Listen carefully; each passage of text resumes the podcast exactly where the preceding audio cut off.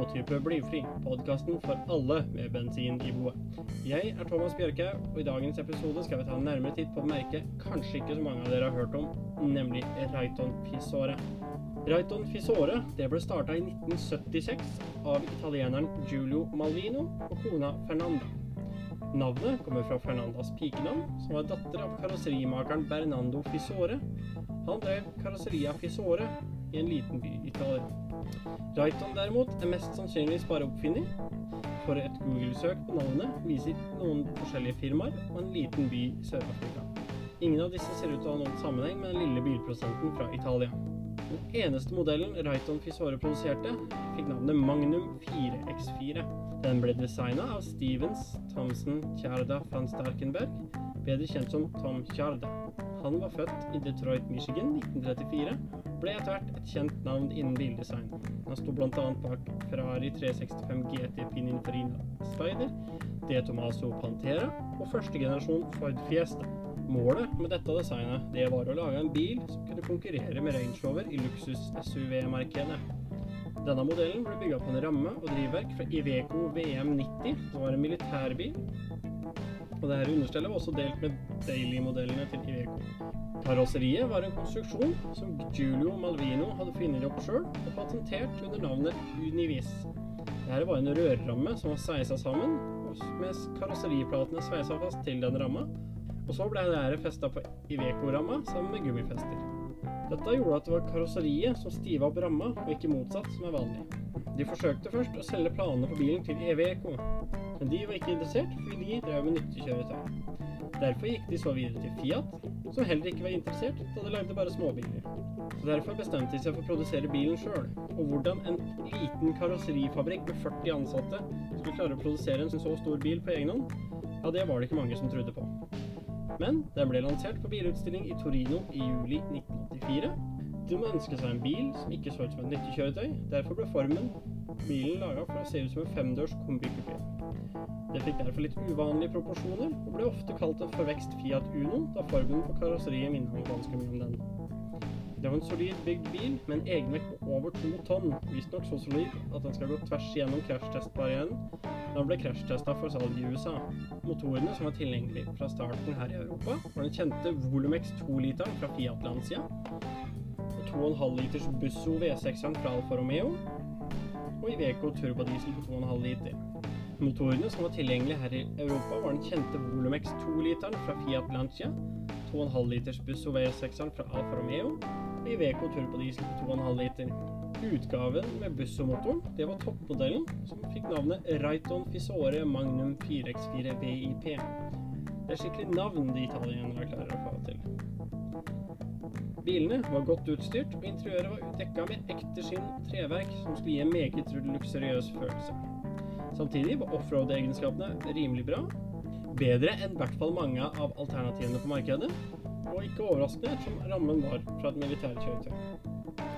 I 1988 ble motorene erstattet av VM-motor i dieselmotoren og BMWs 3,5 liters M30 B35-motor.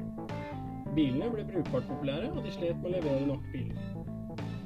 Produksjonen i Europa ble avslutta en eller annen gang på midten av 90-tallet, det er usikkert nøyaktig når, og det ble produsert rundt 6000 eksemplarer. Noen av disse ble solgt til det italienske politiet. Og i 1998 ble bilen introdusert i USA. Men da fikk den det enklere navnet La Forza, som betyr kraften.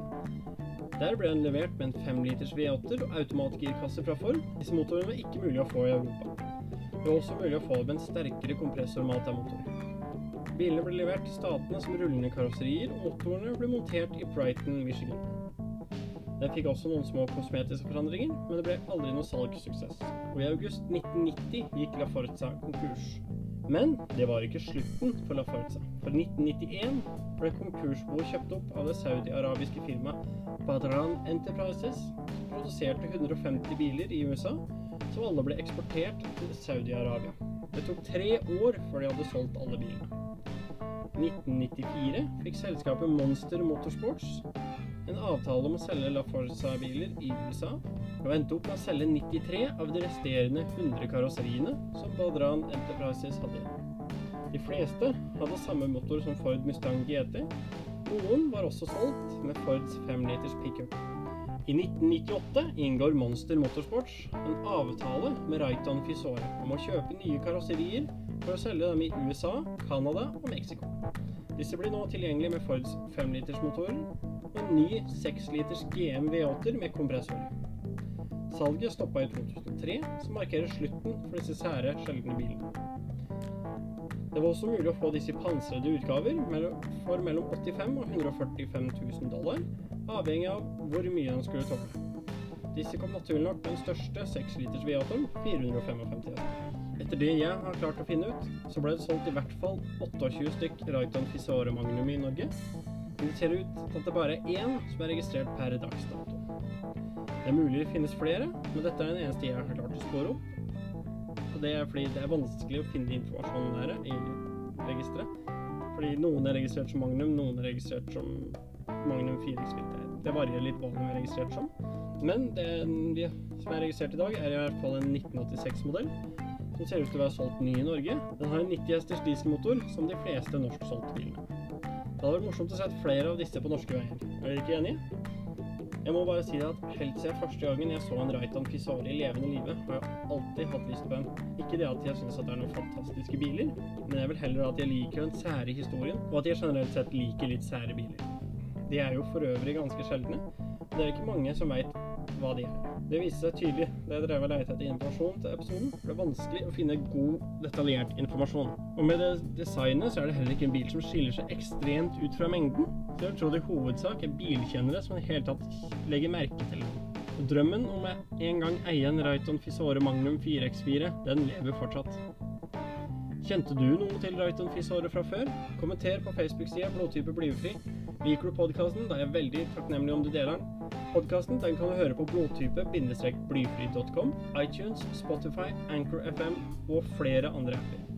Takk for at du hørte på Blodtype blyfri, og ha en fantastisk dag videre.